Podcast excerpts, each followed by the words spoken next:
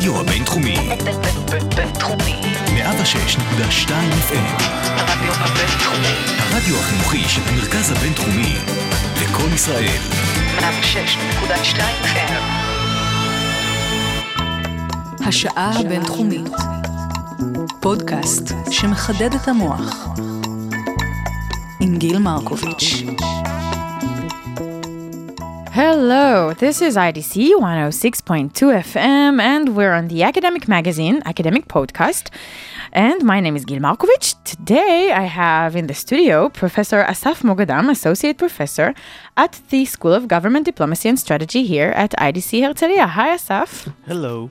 Hi, so this is the second time we're uh, meeting Yes. right?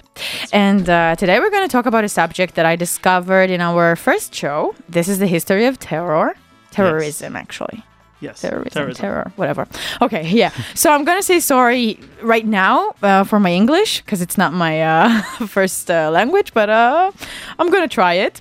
And um, and uh, forgive me if I, uh, you know, make more mistakes. You're forgiven. Thank you. Okay, so I discovered there's a history uh, longer than than I thought to the uh, terror attacks or this uh, thing we call terrorism, and um, we're here today to to uh, reveal this to the common people. And um, okay, so first, uh, I want to congratulate you before we're talking about the terror thing because you just finished a book. yes. And what is it about? So I just finished a book after spending the last four years writing it. Uh, it's a book that uh, examines cooperation between uh, terrorist actors. Initially, it was actually a book which was uh, supposed to look at terrorist, f- at formal terrorist organizations and how they cooperate. But as I was actually doing research into this book, I came to the conclusion that looking at formal terrorist organizations is no longer the proper uh, lens. If we look at terrorism today, uh, we see, of course, the growing impact of uh, more informal terrorist networks. We see uh, an increasing number of individuals involved in terrorism, not only fo- part of formal organizations, but, but but independent, uh, what I call terrorist entrepreneurs. Um, and so um, I, I look at, I, I, I try in my book to uh, to explain how all of these various terrorist actors cooperate. Um, The book is called uh, Dangerous Liaisons, and uh, we'll hopefully uh, see the light of day at the end of the year. Wow, that's very cool. Congratulations. you. Four years. Four it's years, a lot of work. so you thought in the beginning it's not going to be the um, uh, the main uh, subject of the of the book, and then you needed uh, new research. Well, you know, I I knew that I wanted to write something about how terrorists cooperate because it's it's very interesting. Because first of all, a lot a lot of terrorism today, um, you know, terrorism poses a major threat today to uh, to the West and to uh, to many other countries uh, in the Middle East, and and a lot of this threat actually has to do with uh, the way in which terrorists cooperate. Um, whether it's cooperation between different elements of the same network, um, whether it's uh, you know uh, different uh, types of actors cooperating. Let me just give you one example. Yeah. Um, we oftentimes, um, you know, when we think, for example, about the attacks of 9/11, um, right uh, on New York, I think if you would ask uh, most people, they, you know, who who was responsible for the 9/11 attacks? I mean, I think that the standard answer, and, and rightfully so, would be that it's Al Qaeda. It was an Al Qaeda operation. But if we if we dig uh, deeper into the 9/11 attacks, you know, what we will see is that actually the 9/11 attacks were a result of cooperation between different terrorists. Um, Not between- only Al Qaeda. not only Al Qaeda, but actually, I would say between different terrorist actors. Mm-hmm. On the one hand, of course, Al Qaeda, which was uh, you know Bin Laden. the leader Bin of this uh, mission. Certainly, Okay. certainly, Bin Laden provided the funding. He uh, he actually uh, he he identified uh, several of the hijackers, not all of them, but uh, you know he was the one who uh, had to approve the hijackers. Um, but it was actually the the idea for the 9/11 attacks did not come from Al Qaeda nor nor from anybody who was within that organization, but it was actually an idea that was uh, that was developed by an independent terrorist entrepreneur. Uh, his name was Khalid Sheikh Mohammed, um, who came to Bin Laden uh, with a proposal to attack, you know, uh, American airplanes, to, to hijack American airliners and actually and, and, and land them onto targets in the United States. And uh, he came to this. He came to Bin Laden in 1996 with this idea, and two years later, Bin Laden approved.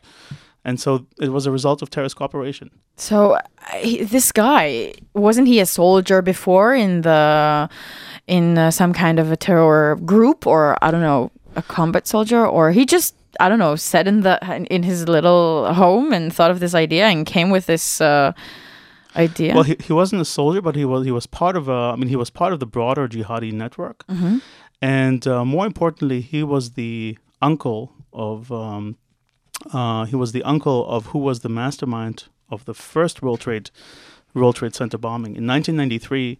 Um, Ramzi Youssef um, tried to blow up. Uh, he, he he blew up uh, a truck um, at the uh, at the bottom of one of the towers of the World Trade Center. And Khalid Sheikh Mohammed, who was the mastermind of the 9/11 attacks, he was the uncle of Ramzi Youssef, and so he, you know, he looked at his nephew's uh, deeds in 1993, and he said, you know, I can do the same, and maybe I can do better. okay, I wanted to say runs in the family, but it's not a joke. It does, it does run in the family for sure. okay. Wow. Okay. So it, it's a big cooperation, but I do want to ask about this uh, term you mentioned, entrepreneurs. Are you are you including including in this term uh, the European terror coming from uh, second generation to uh, immigrants? Um, well, you know, I, I think s- we, we have to distinguish here between uh, a few things. Um, as an entrepreneur, you know, when, I say a terrorist entrepreneur, uh, I talk about somebody who's actually uh, highly innovative, an individual who has um, who is who is very highly innovative, who uh, who is spending a lot of his time thinking how he can uh, attack, uh, how he can support terrorism. Um, but not necessarily somebody who is just active on the internet, you know, and somebody who is. Um, so to be an entrepreneur means that you're kind of like a mastermind uh, of terrorism. You you you've you've spent considerable time and effort thinking about how you can you know how you can generate a terrorist attack that will really be very very costly. Now, of course, you know uh, the phenomenon that you mentioned, the uh, the homegrown terrorists uh, or the lone wolves, as we see them today, this is a super important phenomenon. Um, I wouldn't call them necessarily terrorist entrepreneurs, but I, I, I do think that what we see today in uh, in Europe and many other places is, is that we see that increasingly uh, informal networks, right? Not not necessarily formal hierarchical terrorist organizations, but informal networks are becoming uh, much much more important on the one hand, and on the other hand, we really do see, uh, as you say, that uh, a growing number of individuals who are not part of any organizations, so-called uh, lone wolves. Uh, even though this term is a bit problematic because you know wolves usually tend to go in packs and not Yeah. not alone, uh, but that's certainly a- a trend in terrorism which is also becoming very very uh, prominent, and of course it poses uh, many many challenges for Yeah. for uh, you know for for security um, uh, for security uh, specialists and analysts. But you don't call them entrepreneurs because they didn't come up with this idea by themselves. Someone, uh, I don't know, gave them uh, the materials or the idea, and then they became uh, a certain activist, let's say. I, I don't I don't uh, I don't tend to, to call them well. First of all, you know, in my book I looked at cooperation, right, and so I was looking at um, terrorist actors that are cooperating with each other. Now, when you when you say lone wolves, right, and when you when you take the, that, that definition literally, then they're they're lone wolves, right? They Yeah. don't they don't interact with anybody else, and so that's why I didn't think of them as uh, as terrorist entrepreneurs. But I think that there's something bigger here, and I think that you know really we, we're living in a uh, in, in, in in a world and in an era of globalization where you're absolutely right that that an individual today, right, is a lot more powerful, of course, and you know, and uh, and uh, the, the the tactical activities of an individual today can have strategic consequences. You know, whether he's a simply like a lone wolf acting on his own, or whether he's a terrorist entrepreneur who has more greater capacity um, to uh, uh, to wreak havoc. I think you know, no matter how you call them, we're we're, we're looking at a very very uh, worrisome development where um, individuals have the power to uh, create a lot more harm today than they used to have in the past. Why is it actually interesting that they cooperate? Is this something that used to be um, in the past too, or this is a new phenomenon? hmm It's it's actually it's it's not a new phenomenon because uh, we know, for example, from the 19 uh, as late as the 1960s and certainly in the 1970s, there was a lot of cooperation. Um, there was especially, you know, since we live in the Middle East, you know, there was a lot of a lot of cooperation that took place in the 1970s, took place between um, militant Palestinian organizations.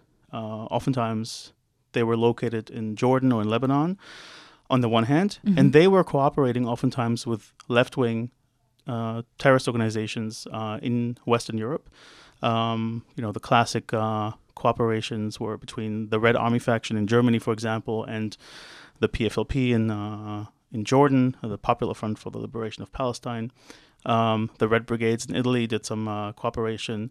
The Irish Republican Army cooperated with the Palestinian factions, and uh, so so we saw so this cooperation existed back in the 1970s, but um, back then most of this cooperation it took place. Uh, for example, there was there was joint training, right? So in Jordan, for example, the PFLP established training camps where it uh, where it trained members of the Red Army faction or the IRA. But of course, now everything changed, and and what changed is not only that you have a growing number of different types of actors that are cooperating, right? So back then you you had pretty much formal organizations, and that was more or less it. Um, of course, you, you had you had some some terrorist entrepreneurs back then. You know, we, we had Carlos the Jackal, and we had other people, but but there's a big difference today. Um, and the big difference is, first of all, you have more different types of of, of, of uh, terrorist actors. So you have formal organizations, you have more informal networks, and you have individuals. And then the other really really important change, which has affected terrorist cooperation, is is more an environmental level change. And and here the big changes at the environmental level is that on the one hand, you have an ideology, you have a jihadist ideology, which really acts as, as a galvanizing cause for this cooperation, right? It, it really kind of pushes people very, very strongly to seek, you know, different ways to cooperate. That's one. And then a second environmental uh, level factor is, of course, the internet and the rise of the social media. And the internet and the rise of the social media has done uh, a lot to change, you know, the, the ways in which these different terrorist actors can interact. Yeah. Yeah. Wow. Social networks. okay. but like in real life, not only in the inter- via the internet. Yes. Okay. So bad bad things and good things to to everything. Okay. Um so we're going to listen to a few songs that you chose for this for the show. And the first one is uh, by David Bowie. Yes. Lazarus, do you want to say a few things? Well, you know, I'm um, I've uh, I'm a, a big David Bowie fan ever Me since too. I uh, had uh, I lived uh, with a roommate in DC, uh, you know, more than ten years ago, who uh, got me hooked. So, uh, and of course, you know, David Bowie passed away recently, so this is a a tribute to Yeah. him. So Lazarus, David Bowie. A very special album. That's from the last one. Yes.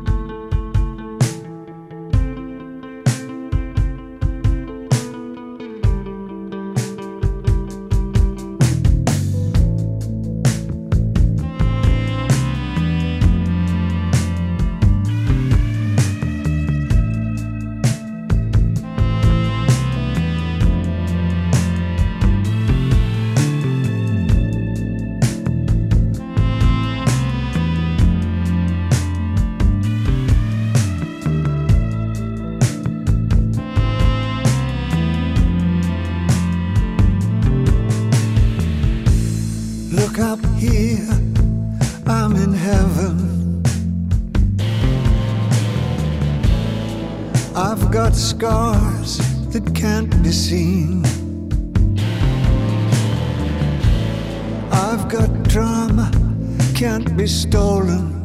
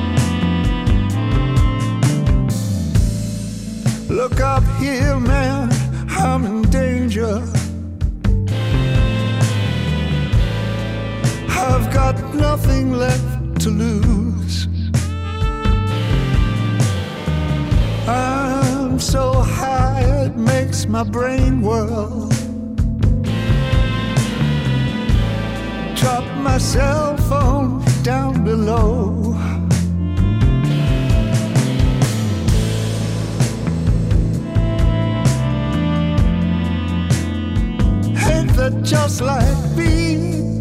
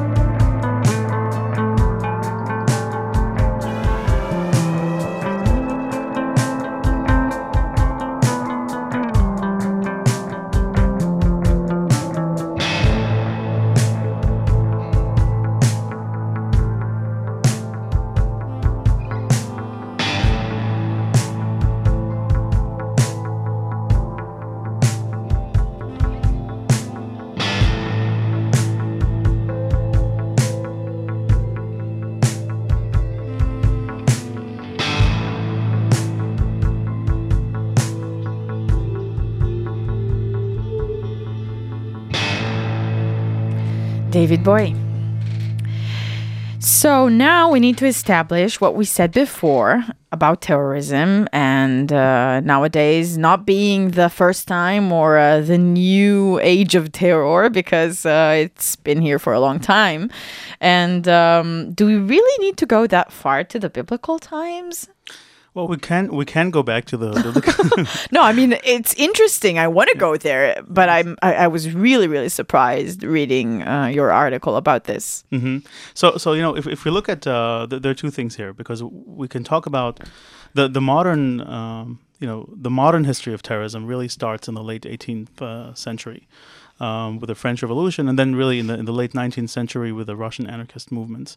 Um, but if you if you dig deep deep enough in uh, in history, then uh, you know terrorism, just like war for that matter, has always been around. Uh, really, uh, probably as, as, as, as, as much around, as long around as, as human his, as humans have been around. Yeah. Um, and so yes, you know, um, the Bible, you know, has the benefit that it's a it's a historical record that we can uh, we can we can check, and um, so we do have some incidents of, you know, of terrorism, um, and and even you know, if you look, for example, at the at the history of uh, of suicide terrorism.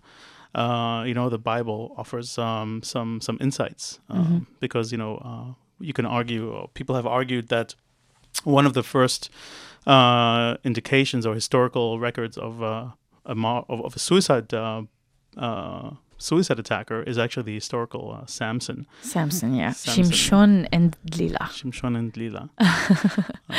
So why? Because what what did he do actually? He was capt captured by the f- right. So so uh, Samson, uh, Shimshon, uh, right, the biblical Samson, he was captured by the uh, by the Philistines. He was uh, of course sold out by uh, Delilah. Yeah.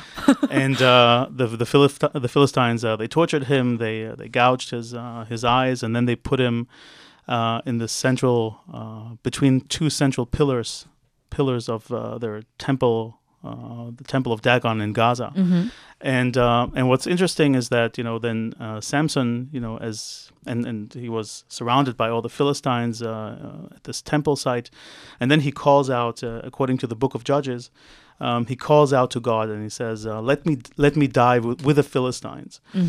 And uh, and then he pushes apart those two central pillars um, of the temple, and and it's in this particular particular sentence that he utters, uh, "Let me die with the Philistines." With with, yeah. with the Philistines, right? Which which basically is kind of like th- th- those are the the preconditions for a suicide attack, which is you know to kill yourself at the same time Yeah. that you kill others, with your enemy right? or So I don't want to blame you know uh, Samsons or, or, or Jews for that for inventing uh, suicide bombings, but it just happens to be like an early.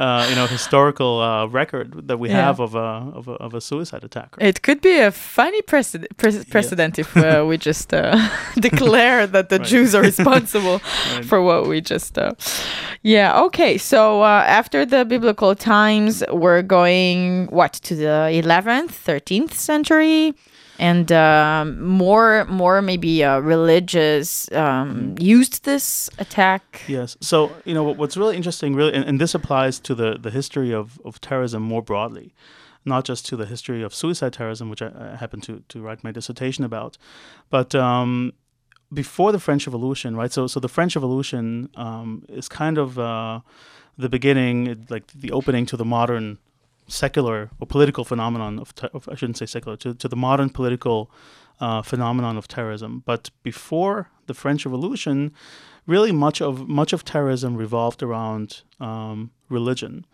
and so you know there's a number of um, of, uh, of of examples for religious uh, you know terrorist movements or, or groups that uh, that use terrorism. One of them is the the medieval uh, Shiite sect uh, of the assassins, um, known as the, the Shishiyun in uh, in Arabic. Um, they were part of a uh, a minority Shiite Ismaili sect who killed their mostly Sunni enemies uh, in broad daylight uh, using a, a dagger, and they they usually didn't make any attempts to uh, to flee the scene, so they were us- usually captured, and then they were they were killed, and so a lot of people. Um, you know, believe that they that they are kind of like the uh, like precursors of uh, the suicide terrorism phenomenon. We also have uh, historical examples from uh, Hinduism. Um, you know, the, the- there was a Hindu uh, uh, social movement we can say known as the uh, the Thuggees. Um, the modern word of th- uh, thugs derives from that particular movement, and they killed also. Um, they killed um, usually innocent travelers uh, who came to India to travel, and they killed in order to please the uh, the Hindu goddess of uh, uh, of Kali. Um, and actually, what's what's interesting about the uh, the Thuggees, uh, apart from the fact that they are that the modern word thug derives from them, is that they were one of the most longest active movements in history um, that used um, terrorism on, an, on, a, on a- systematic basis. They killed others uh, by the name of God, right? But Right. uh, of their God. But um, what about themselves? No, uh, they were so so they were not really uh, uh, suicide. Suicide. Yeah. They were not really uh, suicidal. Um, if we look at um, if we look at uh, suicide bombings, I mean there, there are incidents, there are historical examples of uh, suicide bombings that predate. Um, you know, I should say that usually, typically, um, the history of suicide terrorism, the modern history of suicide terrorism, starts in Lebanon uh, in the early 1980s. Um, but we can find a lot of uh, examples for the use of suicide attacks. So not just suicide terrorism, but suicide attacks more generally throughout history. And and what's interesting, if we look historically at uh, at the use of suicide attacks, we can see that suicide attacks in, in history was was was used not only by terrorist organizations and not only by religious organizations. Um, so we can think, for example, about if we, if we uh, think about the uh, the kamikazes, for example, the uh, the Japanese These were the pilots. early entrepreneurs. well, the, you know, they were actually. Uh, they, it was interesting because they. I mean, for all purposes, I mean, they were suicide attackers, right? They Yeah. killed, killed themselves uh, as others. They, they were very entrepreneurial in that sense. Yes. and very and they did it individually as you said as you mentioned or it was part of a Well, no, bigger plan bigger cause Well, well, well. They were sent. Uh, they, they were sent by the uh, by the Japanese uh, imperial state. So that was a more of an organized phenomenon. Um, you know, anarchists. Right. Why is a look at history so so interesting? Because you know nowadays, of course, you know most of the groups that are uh, employing suicide attacks are religious groups, and the vast majority are, of course, uh, Islamist uh, or Islamic groups. But if you look again, if you look at the 19th century, for example, um, you had anarchist groups in in Russia um, that actually used suicide terrorism um, against the tsar against the tsar. Against the Tsar. Uh, in fact, the uh, the assassination of Tsar Alexander II uh, in 1881 was a, was a suicide attack um, because dynamite had been invented uh, just you know uh, not too long beforehand, and uh, the uh, the Narodnaya Volya, the People's Will, which was the group that assassinated uh, the Tsar, um, they used this newly invented um, you know device. Um, one of the attackers just held the dynamite uh, close enough to his body, and then of course he could target the Tsar um, directly, uh, and he killed him. But he also killed himself in the process.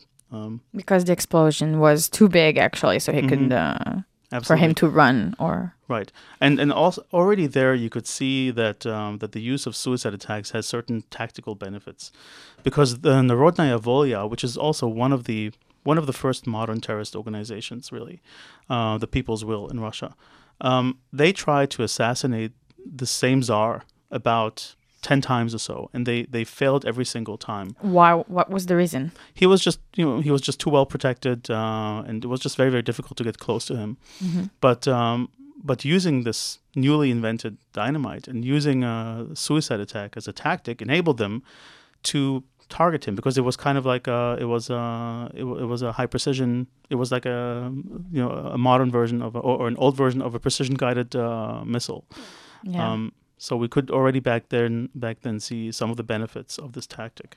So we see mm, a lot of reasons, yeah, for for using um, suicidal attacks, for using this tactic, and uh, it's religion, it's political, it's tons of things. And can we say what it is today? Is it religious? Is it political? Is there a, any difference today from from uh, the tact the use of this tactic before? So, you know, uh, to, today, uh, first of all, suicide terrorism in recent years, um, really after 9/11, has uh, has reached industrial scales. Uh, you know, there have been, uh, for example, in the Iraq War that started in 2003, there have been more suicide attacks uh, that took place in the course of the Iraq War than in the 25 years before combined. Wow. Um, so you know, in, in terms of the motivations for you know, I, I think I always tell this also to my students here that um, you know one good way to think about breaking apart and thinking about the motivations for suicide attacks is that you know you cannot only speak about individual motivations, um, but you have to look at different uh, kind of different levels of analysis that are at play at the same time. Um, so I think a very very good way to look at this is is to differentiate between first of all between the levels of the individual bomber, right? And each individual suicide bomber is going to have his own kind of different combination of, of, of motivations. Yeah. Um, but then there's also the organizational level, right? And the, the organizational level is uh, is very different from the individual level. Uh, the organizations are going to have their own strategic, tactical, ideological uh, reasons and justifications for uh, for conducting these types of attacks, and they may have very, very little to do with why individuals may carry out this type of attack. And then, you know, there, there's also an additional level because so apart from the individual and the organization, there are also broader structural uh, factors. And here, you know, this is the place where you have to talk about kind of broader uh, causes, such Yeah. as, you know, uh, whether it's um, maybe in some cases, in some circumstances, it's occupation. Uh, in other circumstances, uh, it may be, you know, a desire to uh, achieve a national homeland. So these are so these are kind of three different levels.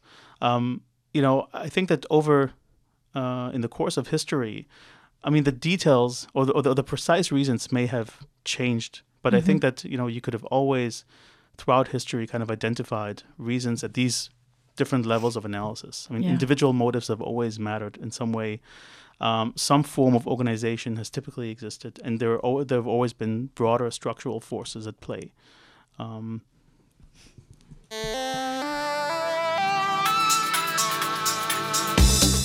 הרדיו הבינתחומי, בינתחומי. 106.2 FM, הרדיו הבינתחומי. הרדיו החינוכי של המרכז הבינתחומי, לקום ישראל, 106.2 FM. בואו להיות שומעים חופשיים בשעה הבינתחומית. כל הפרקים באייטיונס ובאתר. So we're gonna listen to the second song you uh, chose, and this is "Broken" by Mother Tongue. Any any words about this song? uh, it just reminds me of my uh, upbringing in uh, Germany uh, at the height of the grunge age. okay, the grunge age, yeah. I'm prepared.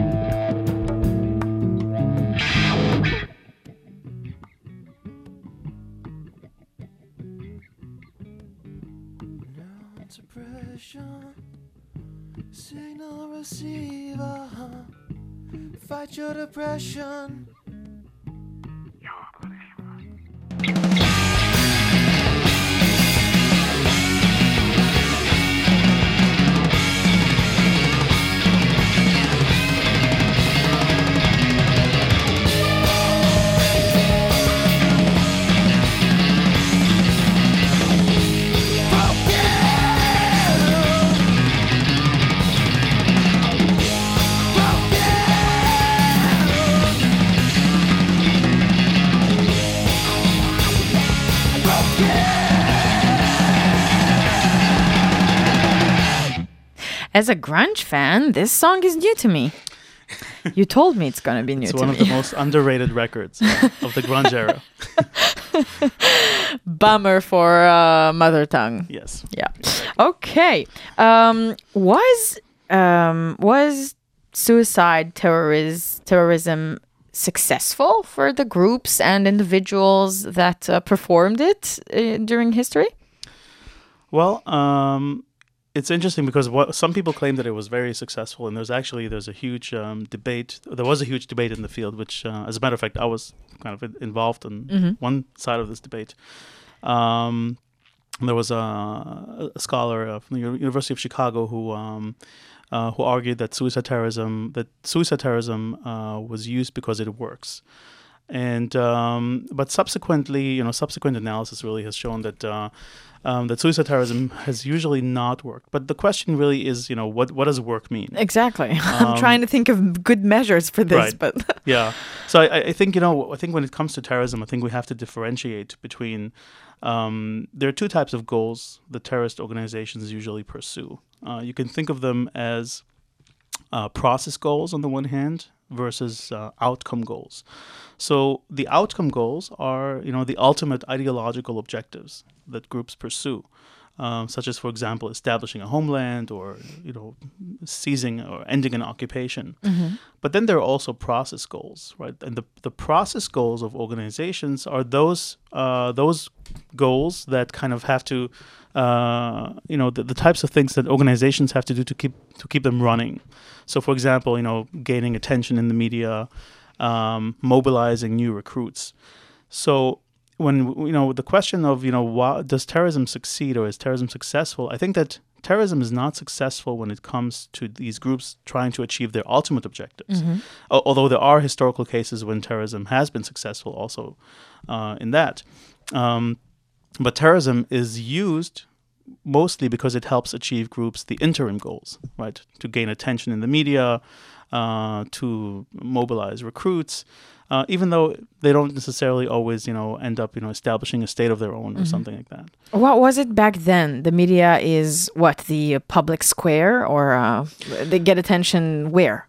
It's, it's actually really interesting because you know when uh, if you look, for example, at one uh, at the Jewish, uh, you know, there, there were two Jewish uh, uh, groups. If we speak again about uh, suicide terrorism and the, the precursors um, for suicide attacks, there were uh, two uh, Jewish organizations like uh, the, the Zealots um, and uh, the Sicarii. Uh, and they oftentimes they killed their enemies. I mean, they were active, uh, you know, around uh, the turn of the first millennium, and they they killed their enemies. Their enemies were the Roman legionnaires who were, you know, in uh, what is today Israel, uh, in Judea. Um, and they they also uh, they also killed their own Jewish um, uh, brothers, um, who they accused of collaborating with the Roman uh, occupiers, and they usually did that. Right, they usually killed them in public squares in daylight um, because you know they, they wanted to send a message to uh, as broad uh, a public as possible. Yeah. Uh, you know, terrorism. One of, one of the main characteristics of terrorism is that you want to influence a broader audience. Right, terrorism is not the immediate victims of a particular terrorist attacks are not the intended victim, but they're they're an instrument. An instrument to send a broader message, right, Yeah. to a government or to a to a community, uh, to a nation. Uh, and so back then, you know, it was the public square, and uh, and today, of course, you know, you have uh, you have another medium which can uh, broadcast uh, activities far far more broadly. Yeah. So, what are the roots uh, of the contemporary uh, phenomenon of uh, suicide terrorism as we know it today? Actually, So, excuse me. Um, so the modern phenomenon of suicide terrorism is usually dated um, to the early 1980s in um, in Lebanon, and really, excuse me, It's okay. it was um, it happens. yeah, it happens exactly. It was um, it was the the Lebanese uh, Shiite group Hezbollah um, who who really uh, first um, used system uh, suicide terrorism on a systematic level in an organized uh, fashion. But the but the reason that it was uh, that the, the the Hezbollah out of all uh, organizations but became the first kind of modern uh, systematic de- massive deployer of suicide attacks had to do with the Islamic Revolution uh, in Iran uh, in 1979. And uh, you know the reason is that uh, in the wake of the Islamic Revolution in 1979 in Iran, um, of course, a few years after the revolution, um, there was uh, one of the uh, most uh, fatal, uh, tragic wars of the 20th century, which was the Iran-Iraq War.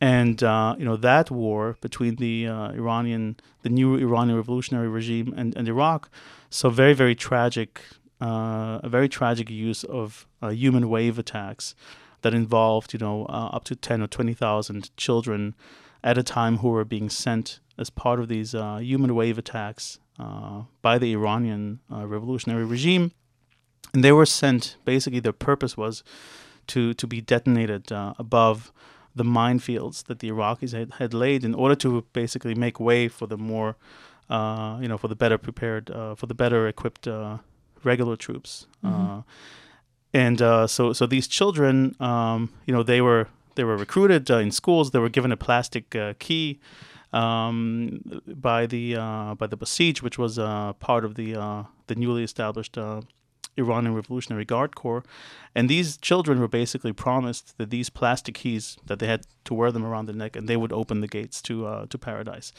And so, so this is kind of the first time uh, in the modern history, you know, that this idea uh, of martyrdom uh, for the sake as an, as an ultimate show of devotion to God uh, became you became kind of deployed on on on a massive scale. Um, and the Ayatollah Khomeini, the revolutionary uh, leader, is responsible probably for more than any other single person um, for this. And then you know the the way that that this uh, um, that this glorification of martyrdom uh, reached Hezbollah is, is simply because um, you know Lebanon was like the only place where the Iranian regime, the new revolutionary regime, was really able to export um, its revolutionary ideals to.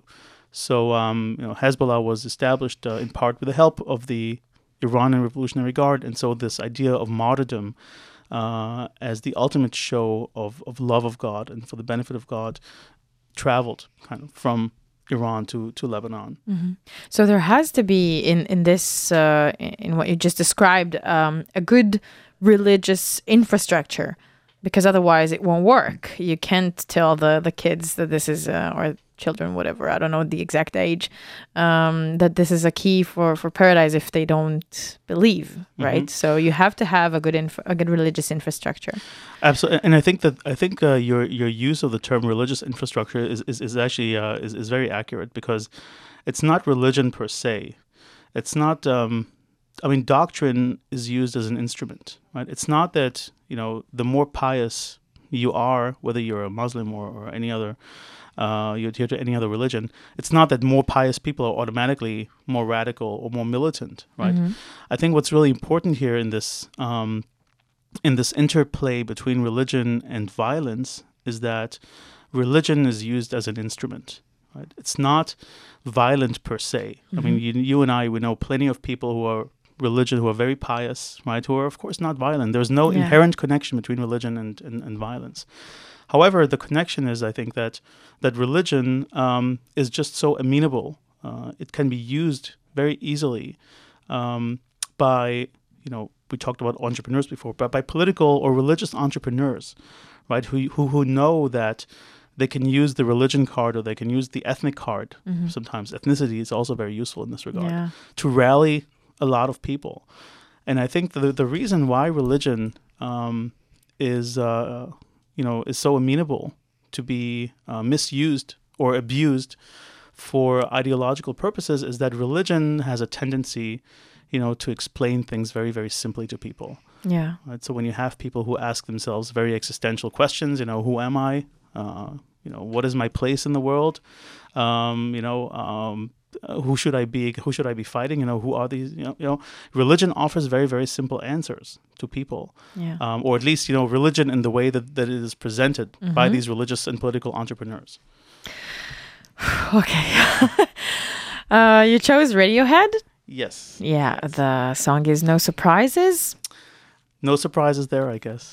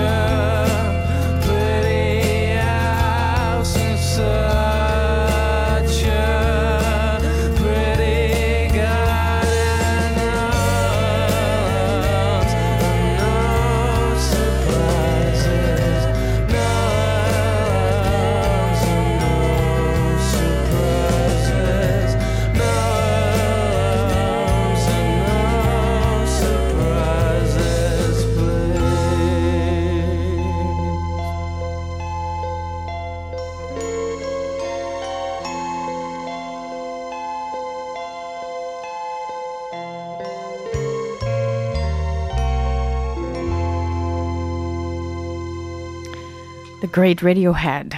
No surprises. So, can we see similar acts or um, principles in nowadays terrorism or suicidal attacks, or maybe not? Maybe not only suicidal, yeah, um, any kind of terror. Uh, can we see any similar principles to what happened in 1980 uh, in uh, Iran and Iraq, and um, see it today in the so-called Islamic State, for example? Or Certainly, um, you know, today, of course, uh, ter- terrorism as a phenomenon today is uh, it is uh, it is dominated by the global jihad movement, um, by two camps, right? Two competing camps. On the one hand, uh, the camp Al Qaeda, and on the other hand, uh, the camp uh, Islamic State.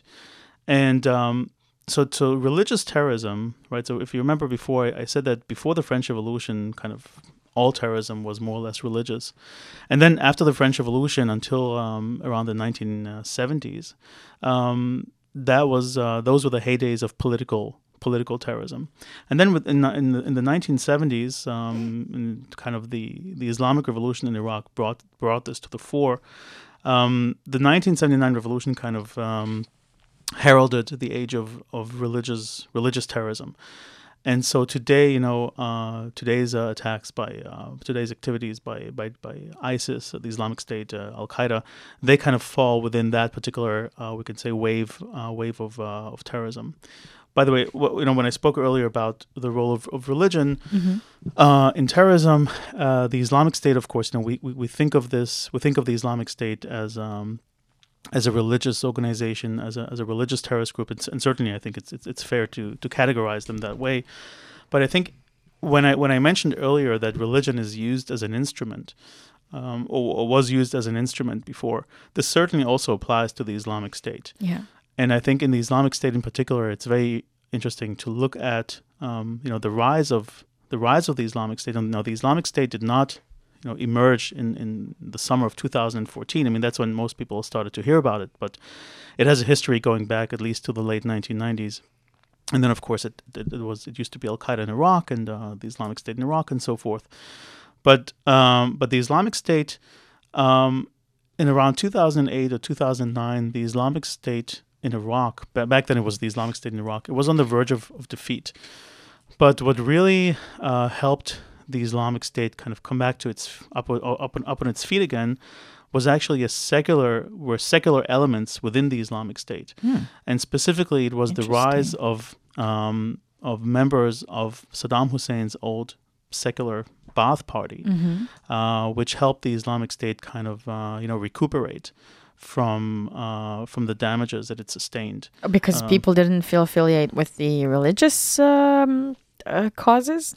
Well, you know, f- from the very beginning of the of the insurgency, right? So, so the American-led coalition uh, entered Iraq in in 2003 for the first time, and within a few months uh, of the U.S. entry into Iraq, um, the coalition provisional authority, the occupation regime, basically, basically that was put in place um, by the Americans, you know, one of their first uh, measures was that they took all the members of Saddam Hussein's Baath Party um, out from the administration, uh, all the sol- all the uh, uh, Iraqi soldiers, and so from the very beginning, the uh, the insurgency that began uh, in 2003 um, had elements both of jihadists or, or Islamists, as well as of those very people from the Baath Party that had been let go by Yeah. the uh, by the occupiers, and so um, so you know, and, th- and this kind of continued. So for the next uh, ten years, um, there used to be this collusion, a collaboration um, between secular or nationalist uh, elements and uh, and Islamists,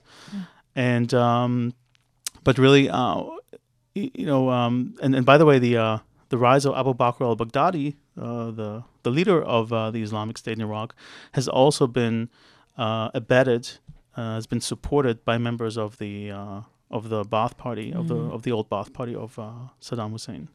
Aren't they a lot of um, Islamic people that really, really feel bad about that? They, someone took their religious and made it religion, sorry, and made it, uh, you know, a, a good cause for for terror, and it caused a really big problem for all Islamic people. For sure. I mean, you know, why why don't I hear them too in the media? Because Well, the media there don't like those. good news. First of all, you know, I, I think not only is is of course the Islamic State is of course bad news for for Muslims. yeah. Um, I would say even more than that, you know, and, and I think this is also true for, for Al Qaeda and uh, certainly for the Islamic State. The people who are suffering, I think, first and foremost, from the terrorism that is inflicted by the Islamic State and Al Qaeda, first of all, Muslims, right? I mean, this is where these groups are active on the ground, and the people who are falling victim uh, mostly are right. So we tend to hear in the West, we hear about the attacks in Paris, and, and those are of course horrible attacks. Yeah, yeah. But you know, when you live in Iraq or when you live in Syria, I mean, you have these attacks on an everyday basis. Um, and I, I do think that um, there are the, these voices that are speaking out, but uh, I think we oftentimes, I mean, we, we don't really hear hear from them. I mean, they, um, you know, they speak out oftentimes uh, in uh, in Arabic. You know, we tend not to hear Arabic. Mm. I mean, they have to be careful. It's not easy to speak out. I mean, they a lot of these people are endangering their lives Okay. for for speaking out. I blame the media only, but uh, it's true that they are probably afraid. Sure. It's not an easy thing to do. Right. But this is still what's. Uh, I think that you know uh, maybe just to, to close on this note, I think that the the answer to the problem of jihadism has to come also from uh, from Islam. So I think that Islam Yeah. has to has to come up with some way to deal with its uh, Yeah. with the enemy within. I really, I agree. It would be uh, good for us all, I believe. I hope. Uh, okay, so I want to thank you for this great hour, uh, and you shared with me a lot of knowledge. Thank, Thank you. you. Professor Assaf Moghadam, Associate Professor at the School of Government Diplomacy and Strategy here at IDC Herzliya. We're going to listen to Sober by um, by Tool. That's your uh, It's my favorite band of all time. favorite band of all time. So that will be a good closure. Thank you again. This is IDC 106.2 FM, and I'm Gil Malkovich. Thank you for listening.